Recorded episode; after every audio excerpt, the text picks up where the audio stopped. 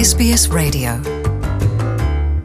Сайн бацгаана уу? Сонсогч та бүхэндээ энэ өдрийн халуун мэндийг хүргэж байна. Хэдэн хоногийн өмнө SBS радиогийн энтгэг нэвтрүүлгээс мэдээлсэн монголчууд бидэнд нэгэн сонирхолтой мэдээллийг энэ удаагийн дугаараар хүрэхээр бэлтлээ. Working Holiday буюу ажиллах хэрэгтэй амралтын визний хөтөлбөрт нэмж 13 улсыг шинээр оруулах нь хөдөө аж ахуйн салбарт тулгараад буй ажиллах хүчний хангамжийн асуудлыг шийдэхэд туслах болно хэмээн Австралийн тариаланчид хэлж байна. Эдгээр 13 улсын нэгд нь Монгол улс маань хамрагдах магадaltaй болжээ.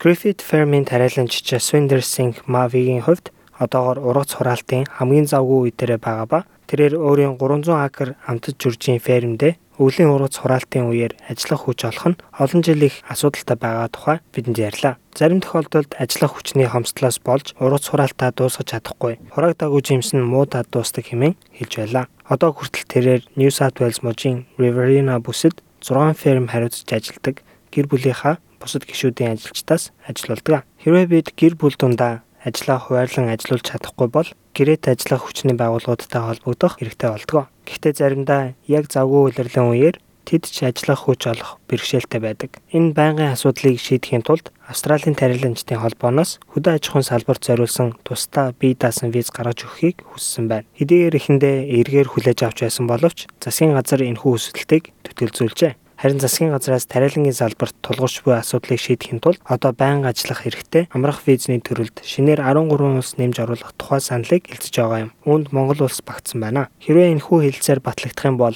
манай компанид их хэмжээний дэмжлэг болох болно хэмээн Mavi хэлж байсан юм. Бидэнд Пунжабаас ирсэн олон хүмүүс Австралийн фермд хэрхэн ажиллах тухай асуудаг. Тэд хэдээ ажиллаж хөдөлмөрлөх хүсэл эрмэлзэлтэй боловч бид тэднийг зорчих визтэй байсан ч ажилд авах боломжгүй байдаг. Харин энэхүү ажиллах хэрэгтэй амралтын визэнд энтгэг улс болон бусад орныг оруулж байгаа нь бидэнд их боломж олж байгаа юм а. Хэдийгээр энтхийн фермээс ирсэн олон тайраланчид Австралийн фермд ажиллахад дахин сургагдах магадaltaй ч хамгийн чухал нь тэдний хандлага юм а. Бас нэгэн чухал зүйл нь хил нэвтрэлцэх асуудал байдаг. Бидний хувьд үр өвчтэй аялагчдыг авч ажилуулдаг байсан ч хил нэвтрэлцэхэд их асуудалтай байдаг байсан. Энэ нь ажлын үр дүнд ч бас шууд нөлөөлдөг. New South Wales мужийн Coffs Harbour бүсийн нэрс жимс New South Wales мужийн Coffs Harbour бүсийн нэрс жимсний тариалангийн Amandip Singh сэтгүү хэлэхдээ ажиллах хүчний хомсдлын асуудал одоогоор их хүнд байгааг хэлж байсан юм. Одоогийн байдлаар ургацын улирал ойролцоогоор 8 сар үргэлжилдэг. Шинэ технологи нэвтрүүлснээр ургац бараг бүтэн жилийн турш ургаж байгаа. Одоо үйлчилж буй хөтөлбөр дэх өрөвчтэй аялагчдын болон улирлын ажилчдын виз нь асуудлыг шийдэж чадахгүй байна хэмээн сэтгүү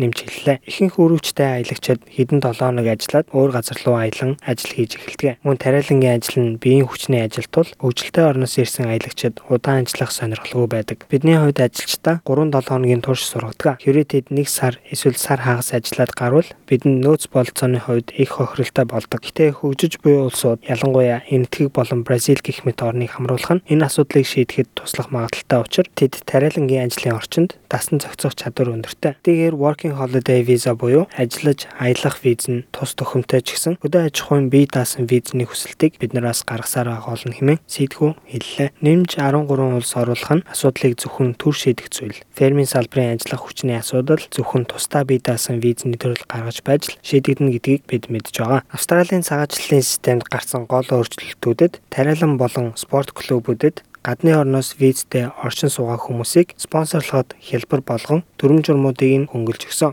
Харин цагаачлалын сайд Дэвид Колман Австрали улсад ур чадвар багтай цагаачдыг татах саналуудыг төтгөлзүүлсэн байна. Ажиллах хэрэгтэй амралтын виз авахд англи хэлний харилцах төвшөнд байх, дээд боловсрал эзэмшсэн эсвэл суралцж буй байх гэсэн эхний шалгуурт тэнцэх ёстой. Англи хэлний мэдлэг бага байх нь энэ визийг авахд хязгаарлах ёсгүй хэмээн Victoria мужийн King Lake дүүргийн ногооны тариаланч Chamanat Singh хэлж байлаа. Бидний хувьд эд завгүй улирлынхаа үеэр 50-аас 100 хүн ажилд авдаг. Бид англи хэлний мэдлэгийг чухал гэж хардаггүй. Харин фермд ажиллах чадвар болон уг ажилд шаардлагатай ур чадварыг суралцах болцоог нь хангаж өгдөг. Хэрвээ тохирсон хүн ирэх юм бол зөвхөн бидэнд хэрэгтэй биш ээ. Эх орондоо буцахдаа тухайн улсын фермийн салбарт хувь нэмрээ оруулах боломжтой учраас энд ирээд хүмүүс маш хэрэгтэй ур чадваруудад суралцдаг. 13 орныг нэмж оруулах саналын дагуу одоогийн ажиллах эрхтэй амралтын виз болох 462 төрөлд хамрагддаг 25 улс дээр дараах 13 улс нэмэгдэж магадгүй. Үүнд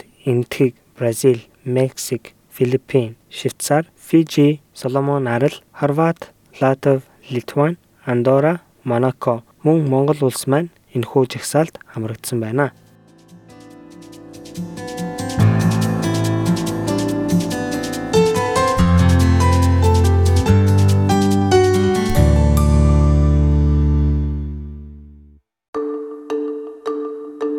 Want to hear more stories like this? Subscribe to our regular podcasts on iTunes.